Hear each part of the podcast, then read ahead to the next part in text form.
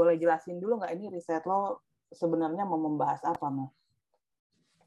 Oke, jadi uh, ini tuh ceritanya kita mau membahas tentang hubungan antara akibat dari perubahan, perubahan iklim uh, yang berpengaruh pada kekerasan uh, pasangan intim di Indonesia kayak gitu. Jadi uh, sebelum kita masuk ke itu mungkin uh, ada baiknya kita ngejelasin dulu apa sih artinya hmm. dari intim dari intimate partner violence atau kekerasan pasangan intim itu ya.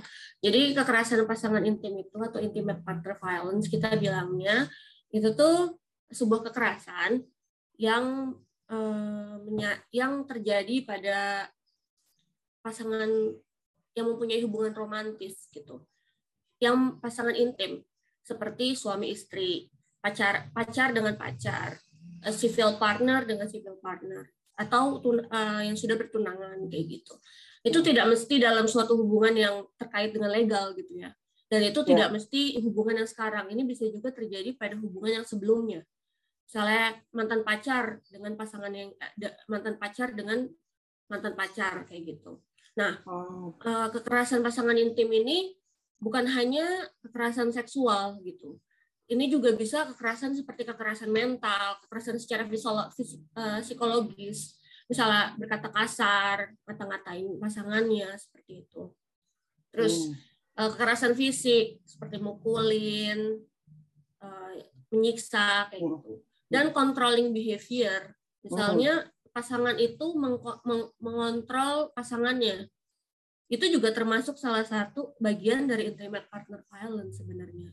Nah gitu. mungkin orang nggak tahu kalau kayak fisik seksual orang mungkin udah banyak uh, referensinya ya. Kalau mental contohnya apa aja maksud pasangan mental mungkin orang-orang belum tahu mungkin mereka sebenarnya korban selama ini. Oke, okay. kalau kekerasan mental tuh contohnya misalnya kayak gini.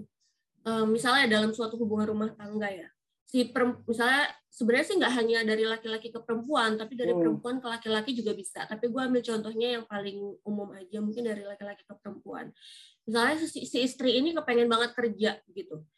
Karena mungkin itu salah satu cara supaya dia itu bisa meng mengaktualisasi diri membuat dia bahagia. Tapi si suami ini merasa karena dia mempunyai power dalam hubungan itu jadi dia bilang kamu nggak usah kerja karena kamu istri bla bla bla segala macam. Dan dan yeah.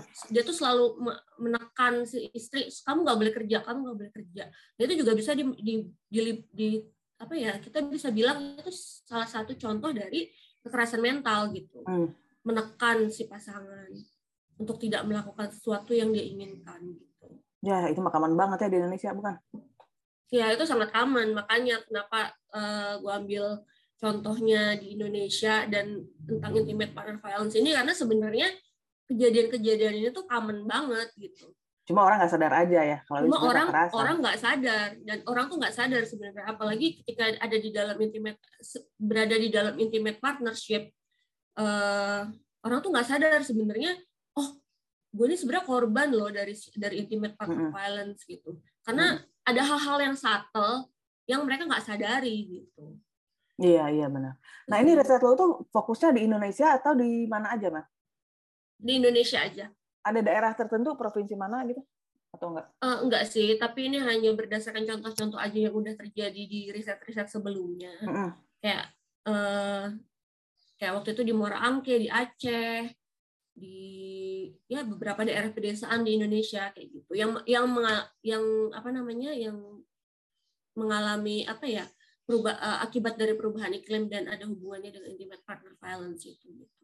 Tapi nggak ada khususnya di mana. Mm -hmm. gitu. Oke, okay, terus uh, ini gue baca di uh, info yang lokasi. Jadi yang lo ukur itu adalah yang didefinisikan perubahan iklim itu suhu udara yang naik 0,3 derajat, bukan? Itu salah satu contohnya. Jadi okay. akibat nah, jadi kan ada perubahan iklim. Uh, jadi okay uh, kita udah tahu dong ya yang namanya perubahan iklim itu udah common banget sekarang kita sering dengar. Yeah. Tapi uh, selain perubahan iklim, perubahan perubahan iklim itu punya akibatnya gitu. Hmm. Nah, yang gua bahas di sini tuh akibat dari perubahan iklim itu. Contohnya hmm. uh, suhu udara yang naik sejak tahun 1900 itu suhu udara yang naik di Indonesia setinggi 0,3 derajat uh, setiap tahunnya. Terus ada juga lebih seringnya terjadi uh, bencana alam. Itu juga bisa hmm. diakibatkan oleh perubahan iklim. Terus uh, apa lagi ya? Oh, Indonesia itu juga uh, termasuk empat negara teratas penghasil emisi gas rumah kaca terbesar akibat yang diakibatkan oleh penggundulan hutan. Kita juga udah tahu dong di Indonesia kan penggundulan hutan kan juga marak ya. Itu dan itu juga uh, itu juga membuat Indonesia tuh menjadi penghasil emisi gas rumah kaca terbesar gitu. Terus karena letak geografis Indonesia itu berada di garis ekuator, Indonesia tuh kan jadi memiliki musimnya tuh kan uh, musim hujan dan musim kemarau. Dan ini sangat rentan dengan banjir dan uh, kekeringan atau kemarau panjang hmm. kayak gitu. Terus uh, karena kemarau yang panjang tadi itu juga bisa menyebabkan ketersediaan air bersih yang tidak mencukupi di beberapa ya. di berbagai negara di berbagai daerah kayak gitu. Terus gagal panen juga hmm. bisa. Kemudian kenaikan permukaan laut yang menyebabkan nelayan bisa kehilangan pekerjaan kayak gitu dan polusi. Polusi juga udah pasti ya. Polusi air, polusi udara, itu juga salah ya. satu akibat dari perubahan iklim. Oke. Okay. Gitu. Terus hubungannya perubahan iklim dengan kekerasan pasangan intim itu gimana, Mas? Uh, aku boleh share screen nggak? Boleh, Mel. Oke. Okay. Nah, ini coba, uh, eh, gue tuh mencoba untuk bikin apa ya semacam logik, logik logikanya uh, gimana sih ceritanya kok perubahan akibat dari perubahan iklim itu bisa sampai menyebabkan intimate partner violence gitu. Nah, yang pertama tuh udah pasti ada yang namanya akibat dari perubahan iklim itu yang tadi gue jelasin kan uh, kenaikan suhu udara dan bla bla bla. Nah ternyata akibat dari perubahan iklim itu bisa uh, berpengaruh pada unequally distributed risk between men and women. Jadi akibat dari perubahan mm. iklim itu uh, tidak tidak terdistribusi secara secara sama antara perempuan dan laki-laki gitu loh. Jadi perempuan itu itu jadi perempuan itu sebenarnya memiliki uh, mereka termasuk salah satu uh, kelompok rentan yang menerima akibat dari perubahan iklim itu lebih besar daripada laki-laki. Itu akibat itu itu dikarenakan karena satu perempuan itu uh, limit uh, punya limited education. Jadi hmm. karena ya tahulah sendiri kita kadang perempuan itu kan nggak boleh sekolah tinggi tinggi gitu mm-hmm. nah karena kayak gitu kan jadi keterbatasan keterbatasan ilmu yang mereka punya jadi mereka tuh nggak tahu gimana sih harus me, harus memitigasi akibat dari perubahan iklim yeah. itu gitu jadi mereka tuh terdampak lebih besar daripada mm-hmm. okay. itu yang pertama yang kedua per, uh, yang kedua tuh perbedaan role apalagi di dalam hubungan intim ah, sorry maksud gue di dalam uh, sebuah keluarga gitu Misalnya perbedaan role-nya apa? Uh, kita udah tahu dong, apalagi di negara-negara seperti Indonesia ini yang masih mengedepankan patriarki. Laki-laki dan perempuan itu punya role yang berbeda. Laki-laki itu sebagai pemimpin dalam keluarga, dan perempuan itu lebih diberikan uh, role-role domestik, kayak uh, ngurus menjaga anak, keluarganya, gitu. ngurus anak, masak, seperti itu.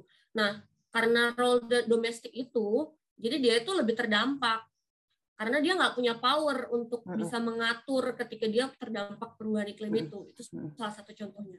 Nah, itulah yang masuk ke sini yang ketiga, woman vulnerability to the impacts of climate change itu itu tadi kesulitan perempuan ketika uh, mau mengintek uh, atau mau mengcounter akibat dari perubahan iklim itu mereka tuh sulit karena mereka tuh lebih terdampak gitu apalagi juga dengan disertai dengan male dominance. Uh, jadi perempuan itu lebih tidak punya power untuk uh, untuk bisa beraction kayak gitu. Nah itulah yang akan terdampak pada intimate partner violence kayak gitu. Apalagi male dominance di sini tuh maksudnya kayak laki-laki punya power. Uh, seperti yang tadi uh, tanya itu tentang apa tuh namanya uh, kekerasan mental, let's say ya contohnya. Mereka tuh sebagai laki-laki atau sebagai suami di rumah tuh mereka punya power. Uh, kamu nggak boleh kayak gini kamu nggak boleh kayak gini. Nanti kalau misalnya si perempuan itu let's say um, apa sih istilahnya nggak setuju dengan apa yang si laki-laki itu bilang laki-laki itu bisa jadi marah nah hmm. marahnya itu bisa jadi terjadi percekcokan kan. Nah kita nggak tahu kalau misalnya terjadi percekcokan itu apa yang akan terjadi nantinya. Sebenarnya percekcokan itu sendiri kalau misalnya sudah melibatkan eh, kekerasan verbal itu udah termasuk kekerasan kayak gitu. Itu udah termasuk intimate partner violence kayak gitu. Nah, kalau jadi Mel, linknya tuh gua, sorry mbak gue nanya, kalau di Indonesia itu kan banyak perempuan yang uh, karena alasan budaya atau agama menerima, didominasi atau diatur uh, submisif terhadap keinginan suaminya. Kalau si pihak perempuannya menerima itu bisa dikategorikan kekerasan atau tidak? Kalau misalnya dia si perempuannya itu menerima tapi dia merasa tertekan, itu bisa di, eh, itu bisa dikategorikan sebagai intimate partner violence karena yang tadi gue bilang hmm. controlling behavior controlling behavior itu si laki-laki mengontrol perempuan dan perempuan itu walaupun dia menerima tapi dia tetap, merasa dia itu terkontrol gitu loh. Hmm. dia dikontrol oleh si suami kayak gitu. Jadi tetap aja itu adalah hmm. suatu contoh okay. dari IPV kayak gitu. Hmm, gitu. Ini bisa diselesaikan ya. Share screennya sebentar. Stop share dulu. Dah, lanjut. Selanjutnya, Mel, ini contoh-contohnya gue lihat ada di Muara Angke. Mm -mm. Uh, yang gue pengen tanya dulu, ini menurut lo yang kasus paling banyak itu di daerah mana, Mel, dari yang lo riset? Kekerasan karena kalau, uh, kalau menurut gue sih yang paling banyak itu di pedalaman, di, di pedesaan yang dia itu meng, apa namanya mengandalkan uh, apa sih istilahnya mengandalkan agriculture. Mm -hmm. Yang pertama itu, yang kedua di daerah-daerah pesisir pantai yang terdampak sea level rise dan kenaikan suhu. Itu. Hmm. Kita mau bahas satu-satu dulu kali ya. Boleh, boleh. Kalau kalau kalau untuk yang di pedesaan itu kan mereka mengandalkan agriculture, mereka tuh mengandalkan uh, pan apa panen ya. Jadi let's say uh, akibat perubahan iklim itu jadi kemarau panjang. Mm -hmm. Kemarau panjang dengan kata lain gagal panen bisa dijadi, bisa dijadikan suatu kepastian gitu kan. Nah, ketika gagal panen itu terjadi, otomatis itu akan berpengaruh pada ekonomi dari setiap si petani-petani tersebut gitu. Iya. Yeah. Ada beberapa keluarga petani di situ ya.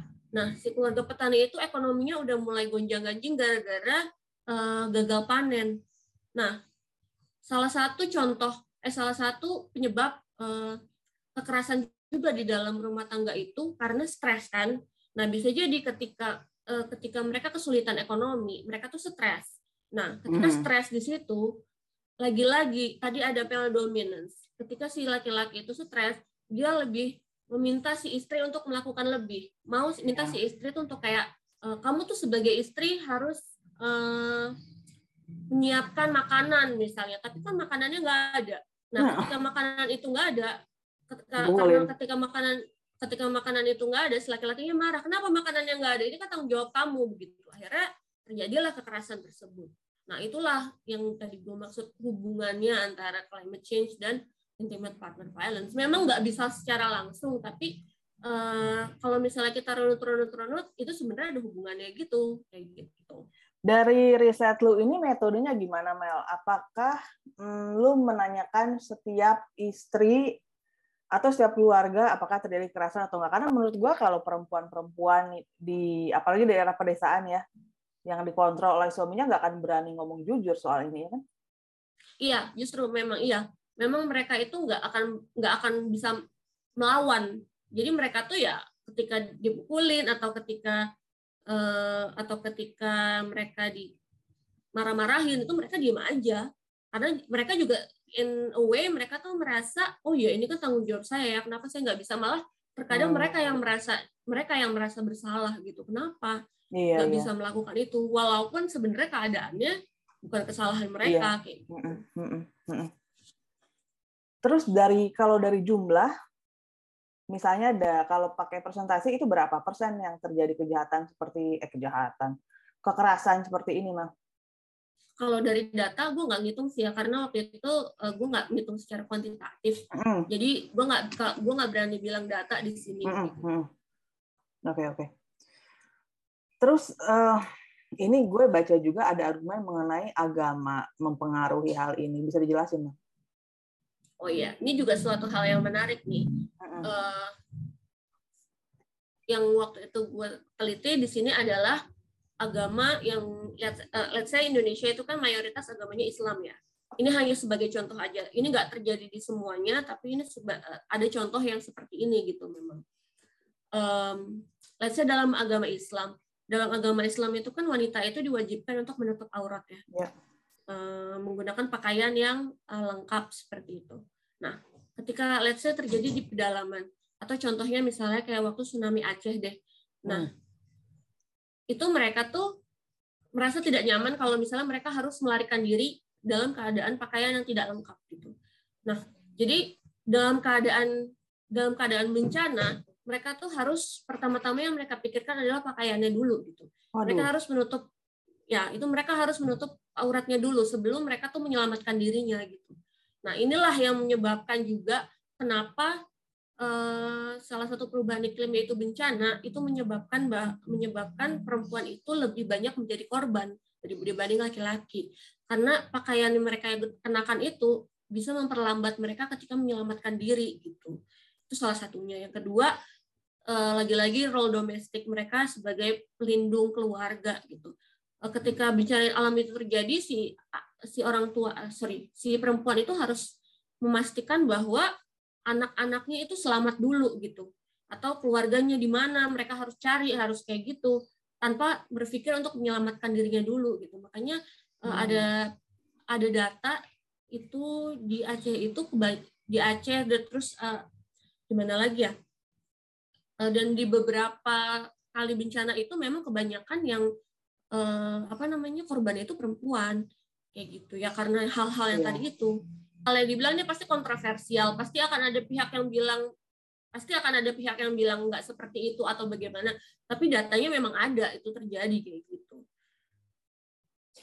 ini gue sebagai orang awam memang kalau gue melihat di Indonesia mungkin tidak hanya karena climate change tapi triggernya faktor ekonomi apa pun bisa bikin kekerasan eh, dari suami ke istri dan anak. Apakah si perubahan iklim ini secara signifikan berpengaruh lebih untuk menimbulkan kekerasan dalam keluarga? Iya, eh, perubahan iklim itu sebenarnya sih nggak nggak bilang itu lebih, tapi eh, perubahan iklim ini bisa menjadi salah satu faktor yang berpengaruh lebih banyak daripada faktor-faktor yang lain gitu. Karena kan perubahan iklim itu kan eh, efeknya nanti banyak gitu, nggak hanya cuman nggak cuman hanya ekonomi, tapi juga secara geografis mereka berubah, mereka kehilangan tempat tinggal, kayak gitu. Terus ini lo uh, menjelaskan tentang heat hypothesis, boleh dijelasin no? Oke, okay. nah jadi pada tahun 2001 itu ada ada sebuah seorang peneliti namanya Craig Anderson, dia itu bikin teori namanya heat hypothesis. Mm -hmm. Jadi heat hypothesis ini uh, menceritakan tentang bahwa uh, naiknya suhu udara atau udara yang panas itu bisa meningkatkan agresi atau perubahan perilaku pada manusia kayak gitu. Laki-laki dan Jadi, perempuan. Laki-laki dan perempuan bisa kepada siapa pun. Tapi lagi-lagi itu tergantung temperamentalnya. Mm-hmm. Tapi kalau misalnya kita kita lihat siapa yang paling common temperamental itu kan biasanya laki-laki ya. Nah, kayak gitu. Nah, jadi kalau misalnya mau di, mau dihubungin juga tadi yang gue bilang eh, ceritanya yang eh, perubahan iklim di daerah pesisir pantai. Nah, daerah pesisir pantai, let's say itu ada kenaikan suhu udara di situ yang menyebabkan hilangnya ikan-ikan. Dan eh, pesisir pantai kan biasanya udaranya panas ya. Nah, dengan naiknya suhu udara, otomatis kita bisa menggunakan si heat hypothesis ini. Eh, naiknya suhu udara, para nelayan di daerah pesisir pantai itu merasa kepanasan gitu. Dengan merasa kepanasan, itu udah mereka udah punya yang namanya agresif thoughts, pemikiran yang agresif gitu kayak ya udah nggak nyaman lah segala macam ditambah dengan kesulitan ekonomi karena ikan-ikan itu udah menghilang kayak gitu. Nah dengan demikian ya mungkin ada hubung misalnya ada trigger lain lagi ketika ada di ada di keluarganya itu yang akhirnya menyebabkan mereka itu menjadi uh, melakukan kekerasan kepada anggota keluarganya kayak gitu atau kepada istrinya. Gitu. Nah, itulah yang kita namakan dengan heat hypothesis. Apakah si hipotesis ini berlaku hanya untuk di daerah rural aja atau juga berlaku di urban? Karena misalnya sekarang setelah pandemi kan banyak orang yang kehilangan pekerjaan. Apakah orang-orang yang secara ekonomi terpengaruh jadi lebih agresif terhadap keluarganya gitu? Sebenarnya heat hypothesis ini sangat umum ya, nggak mesti uh, mereka yang terdampak uh, ekonomi atau terdampak perubahan iklim gitu sebenarnya mereka manusia siapa pun misalnya dia sama sekali nggak terdampak dari perubahan iklim pun bisa terkena dengan ini juga gitu. Memang si heat hypothesis ini ya udah kalau misalnya dia itu terkena panas, otomatis mereka tuh coba aja kalau misalnya kita ngerasa kita kepanasan deh, pasti kita kayak bete sendiri kan, terus kayak bawaannya pengen marah-marah gitu. Nah ini kayak gitu sih. Hmm, kalau dihubungkan dengan kekerasan pasangan intim, apakah bisa disimpulkan kalau di daerah-daerah yang bukan daerah tropis ya, yang relatif lebih dingin, tidak terpengaruh sebanyak kita yang tinggal di daerah tropis, nah. Kekerasannya ya, berarti akan lebih rendah. Iya, kalau misalnya dihubungkan dengan heat hypothesis itu biasanya orang-orang di di daerah yang suhu udaranya lebih dingin itu otomatis mereka itu secara fisik mereka akan lebih nyaman gitu ya walaupun mungkin stresnya tuh akan ada akan ada di cerita yang berbeda gitu tapi kalau dari suhu udara mereka akan lebih kalem nah makanya ketika ada di negara eh, di di di daerah-daerah yang suhu udaranya tinggi atau panas gitu ya mereka tuh eh, sebenarnya tuh disarankan untuk ada kontrol udara. Misalnya kayak pakai AC kayak gitu. Tapi kan kalau misalnya untuk keluarga atau misalnya di daerah pedesaan walaupun dia panas hmm. tapi kan kalau misalnya ekonominya nggak mampu kan nggak mungkin bisa beli AC kayak gitu kan. Selain AC ya solusi yang tidak membutuhkan uh, pengeluaran ekonomi yang besar gitu. Hmm, solusinya mungkin manajemen stres kali ya. Itu sulit juga karena memang kalau misalnya secara fisik kan memang kita harus ya gimana? Ini perubahan iklim ini emang udah naik gitu. Dan kalau misalnya memang kita juga misalnya nggak bisa mengontrol udara salah satu yang bisa kita lakukan dari dalam itu ya manajemen stres gitu mungkin si bapak-bapak si bapak-bapak yang suka mukulin istri anak ini harus kasih tahu mungkin bapak kalau lagi emosi mandi aja pak biar dingin gitu biar nggak marah juga kayak gitu mungkin ini informasi yang mereka gitu. perlu tahu Mel suruh mandi aja ya jadi memang memang gimana caranya supaya mereka tuh bisa menurunkan suhu di badannya itu gitu. Kalau nggak ada AC ya misalnya ke Indomaret ngadem kayak mm, gitu. Iya benar. ya pokoknya intinya ya ngadem gitu dan manajemen stres sih. Kayak gitu. Menarik ya.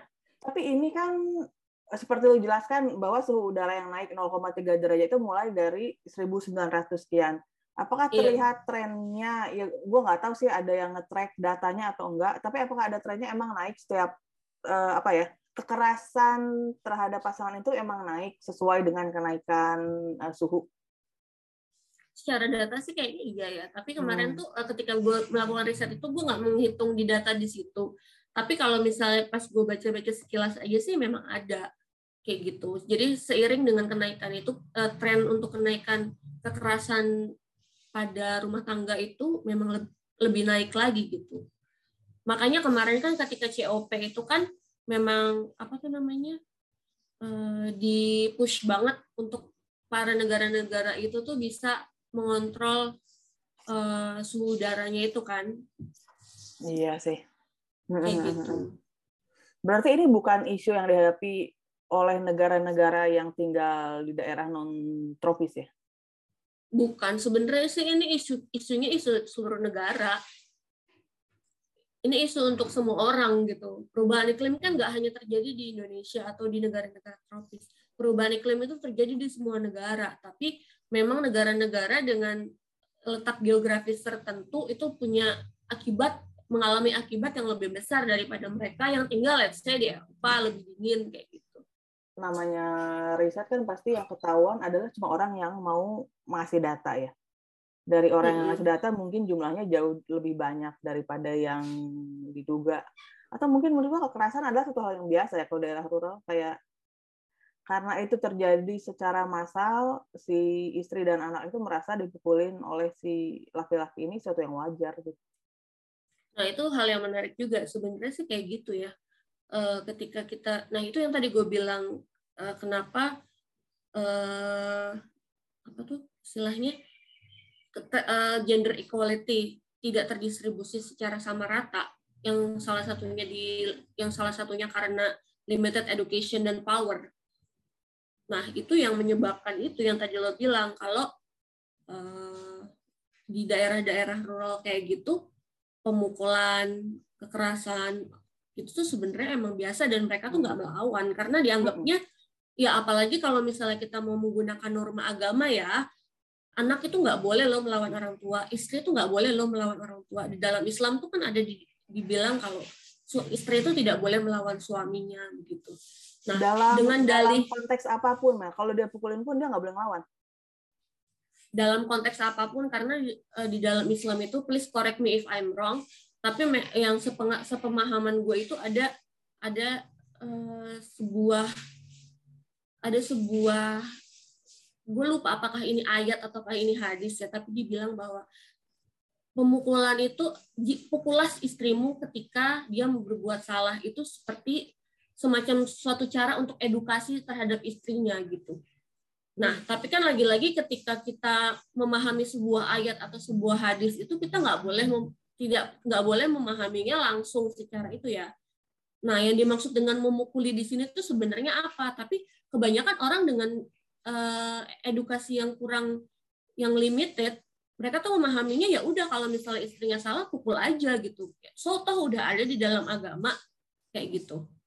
Nah, dengan dalih inilah dan si perempuan pun merasa karena itu sudah ada di dalam agama ketika dia dipukuli dia merasa oh ini adalah cara dari suamiku untuk uh, membinaku kayak gitu jadi mereka tuh pun nggak melawan dan ketika perempuan dibilang pun janganlah jangan uh, jangan melawan suamimu karena dia adalah imam dalam keluargamu kayak gitu Emang interpretasi lain dari ayat atau hadis itu gimana, Mel? Kalau emang sudah tertulis seperti itu, apakah bisa diinterpretasikan secara lain?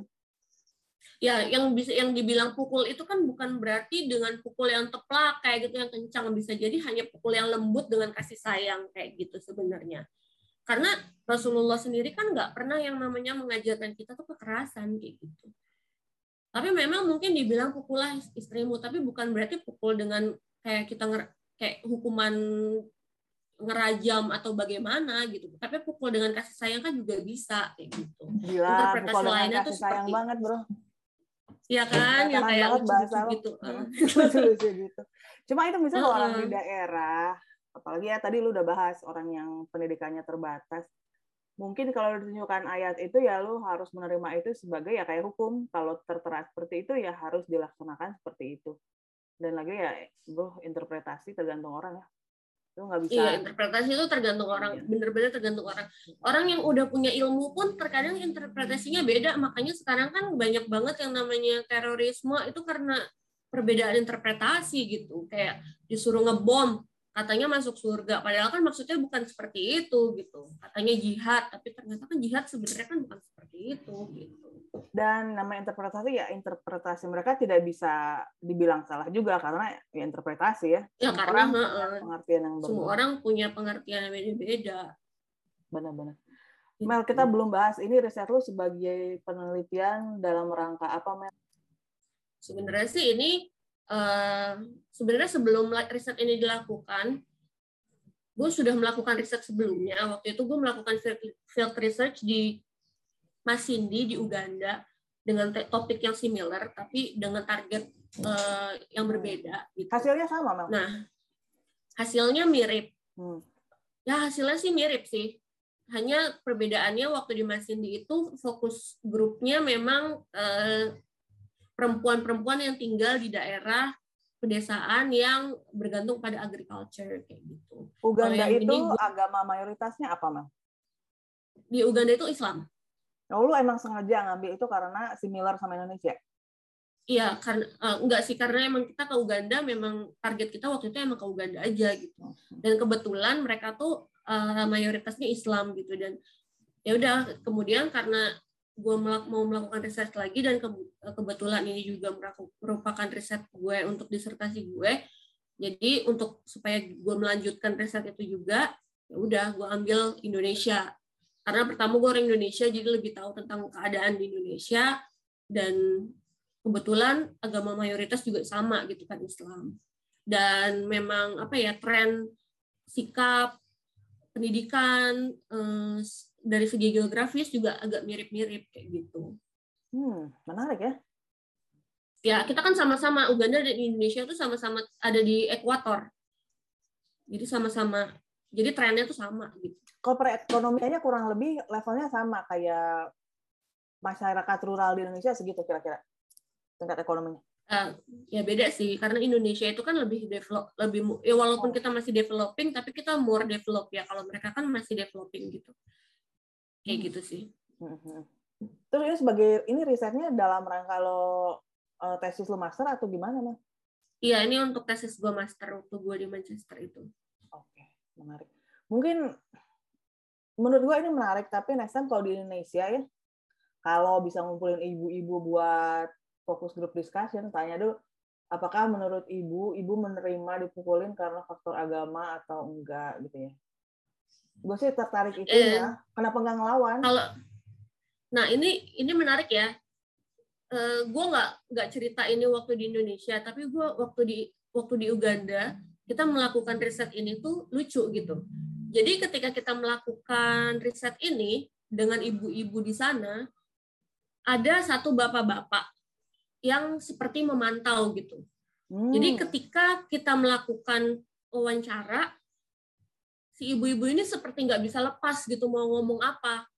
Karena sepertinya dia tuh takut gitu. Kalau misalnya bicaranya salah nanti mungkin dilaporkan ke suaminya atau gimana kalau si istrinya tuh bilang begini begini begini gitu jadi sepertinya tuh pembicaraan mereka tuh kayak itu banget gitu loh kayak tertata banget gitu kontrol mentalnya situ, gitu. bukan hanya dari suami ya kontrol mentalnya dari komunitas juga ada berarti ya kayak Pak RT-nya iya. gitu ngontrol. Iya, semacam Pak RT-nya kayak gitu gitu. Mungkin kalau bikin riset di Indonesia yang bisa diubah, aduh gua ada kata di otak gua tapi hilang apa Mel namanya? Ya, apa ya? kata varian aja. Varian yang bisa diubah adalah riset mengenai kekerasan ini daerah yang mayoritas beragama Muslim dengan non Muslim bisa di Bali. Apakah hal yang sama terjadi atau tidak gitu? Gue pengen tahu sebenarnya apakah ini faktornya lebih ke agama atau budaya atau apa gitu. Jadi si perubahan iklim ini mempengaruhi tergantung budaya si orangnya atau enggak. Gitu. Di Bali ada nggak Melu tahu nggak kekerasan kayak gini terjadi nggak di Bali? Gue rasa ada juga sih, tapi gue nggak dapet datanya waktu itu. Tapi gue rasa sih tetap ada gitu. Tapi mungkin nggak sebanyak untuk di, di daerah yang dengan mayoritas agama yang beda kayak gitu. Ini menarik sih. Menurut gue ya. Variabel, ya Allah Mel, itu kata yang gue lupa. Jadi variabel yang bisa diganti itu mungkin. Kalau di Indonesia ya, kalau membandingkan. Bali sih ideal, Bali kan banyak petani dan bisa di, bisa dites. Banyak petani dan agamanya juga agama mayoritasnya juga beda gitu kan. Inilah pentingnya kita pasang ya. AC di rumah Mel. Iya. Itu kalau memang kalau misalnya panas ada AC, buh. udah ada polusi ya kan. Kita kan kalau di Jakarta itu eh, efek dari perubahan iklimnya banyak, polusi, panas, kekeringan, kesulitan ekonomi. Ya kan zaman sekarang apalagi habis pandemi kan banyak orang kehilangan pekerjaan kayak gitu. Wah, itu kalau nggak salah sih kemarin gue sempat baca di KPPA ya. Wah. Itu tren tren kekerasannya setelah pandemi itu naik. Karena orang di rumah dan aja. Karena orang di rumah aja dan tren kekerasan da dalam rumah tangganya, gua uh, ini gue nggak lihat di intimate partner violence tapi gue lihat di dari dari segi KDRT-nya itu mereka naik. Nah, gue tuh pengen tahu, kalau riset kayak gini ya, berarti kan lo harus dapat jawaban direct dari si perempuan ini, apakah anda dipukuli di rumah atau enggak dan kalau udah dapet pengakuan bahwa dia dipukul kan sebenarnya dia bisa lapor polisi kan? Boleh nggak? Ya boleh dong. Tapi nggak ada sebenarnya dikit. Tapi nggak ya jarang yang ada lapor polisi karena mereka pun berpikir kalau misalnya lapor polisi apa iya bakal di apa, iya bakal diperpanjang? Atau misalnya mereka lapor polisi malah itu akan memicu kemarahan dari si pasangannya tersebut gitu. Kalau ngapain kamu lapor-lapor polisi? Malah kekerasan itu akan lebih lebih panjang gitu. Yang nggak banyak. Dan kakak apa ya eh, gue pernah baca dan pernah denger, sering banget dengar korban kekerasan yang ketika mereka lapor polisi itu mereka harus kabur dari rumahnya. Dan mereka harus benar-benar kabur dari komunitasnya dia gitu. Karena takutnya mereka tuh dia tuh dikejar sama suaminya kah atau keluarga suaminya kah kayak gitu. Apalagi kalau dia tidak bekerja dan tidak penghasilan ya mau kabur juga ke mana? Apa, iya. Mereka nggak punya power nggak punya uang nggak punya power kayak gitu. Dan apalagi kalau misalnya dia mau lapor ke orang tuanya dibilang ya dia kan suamimu nurut oh, iya, pasti, sama suamimu lagi. kayak gitu. disalahin lagi sama keluarganya atau sama teman-temannya itu sulit sebenarnya kalau yang laki-laki ke perempuan atau ke anak kan sangat biasa Mel. Lu pernah nemu nggak hmm. uh, pengakuan kekerasan dari perempuan ke laki-laki? Gue pernah baca sih. Gua, uh, kalau misalnya secara langsung gue nggak pernah belum pernah coba wawancara. Tapi ketika gue melakukan riset ini pun gue baca uh, memang bukan hanya laki-laki ke perempuan tapi juga dari perempuan ke laki-laki. Apalagi misalnya posisinya kebalik ya si perempuan yang punya power jadi kayak woman dominance jadi si laki-lakinya yang nggak punya power.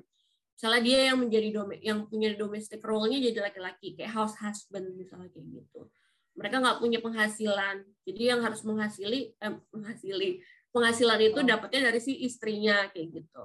Ya udah sebenarnya sama aja trennya gitu. Cuman beda siapa yang punya power di sini gitu. Makanya sebenarnya gender equality itu penting gitu dalam iya, sebuah dia. rumah oh. tangga gitu. Tapi itu kan bukan Harus konsep sama rata. Yang, apa bukan konsep yang common di Indonesia ya pernikahan yang power dominance tuh equal tuh sama jarang banget ya. Kecuali di pasangan kalau, yang sudah sangat-sangat maju pemikirannya. Iya, kalau misalnya dilihat sih karena kita kan masih sangat patriarkal ya. Eh, lagi-lagi kalau misalnya kita lihat dengan budaya kita yang patriarkal yang pertama, yang kedua dengan mayoritas Islam, eh, di mana laki-laki adalah pemimpin itu susah banget untuk yang namanya menyamaratakan role dalam hubungan gitu. Dan memang benar yang tadi lo bilang kalau untuk mendapatkan uh, gender equality dalam sebuah keluarga itu ya memang dua-duanya tuh punya satu pemikiran yang sama gitu. Mereka dua-duanya udah punya pemikiran yang maju mereka dua-duanya misalnya educated kayak gitu. Iya ya udah kita saling sepihak. bekerja sama nggak uh -huh. bisa sepihak. Uh -huh. udah ngantor apa apa masih WFH masih WFH gua. Total total. Sama. Kita nikmati saat-saat terakhir mah kayaknya April tuh udah normal iya kayaknya ini udah udah mulai balik-balik uh, lagi. perasaanku udah gak enak soalnya. Oke Mel. Thanks ya Mel. Okay.